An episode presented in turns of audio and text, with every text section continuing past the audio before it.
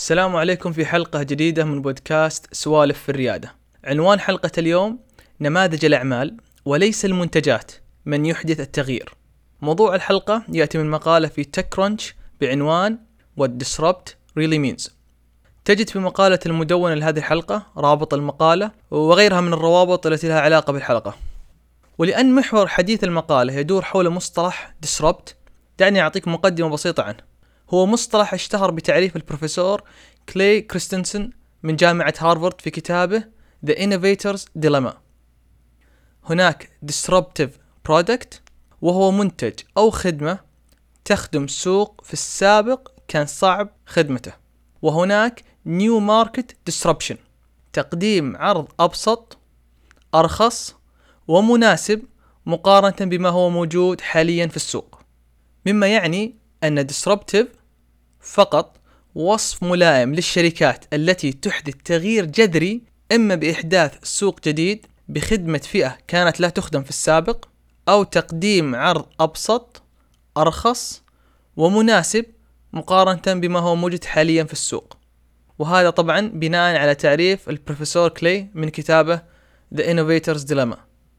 كاتب المقالة يذكر أن جوجل مثال رائع لشركة disruptive خصوصا في مجال الإعلان أونلاين.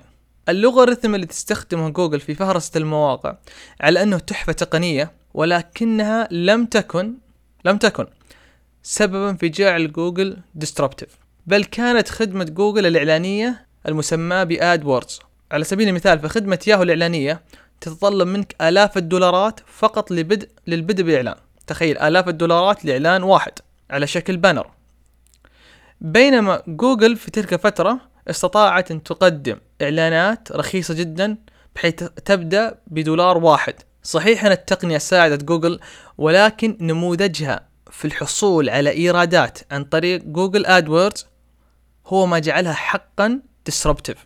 وكما ذكرنا في البداية disruptive من ناحية أنها قدمت عرض بسيط رخيص ومناسب لمن يريد أن يعلن أونلاين والآن نصل للنقطة التي يختم بها الكاتب بأن جوجل لم تصنع منتج disruptive بل نموذج عملها كان كذلك. لذلك إذا كنت تظن أن نموذج العمل ليس إلا نسخة مختصرة من الجدول الاقتصادية اللي هي ال business plan فأنت جدا مخطئ. ال business plan هدفها طبعا في نظري لا يتعدى بروتوكول تعمله للحصول على استثمار أو قرض.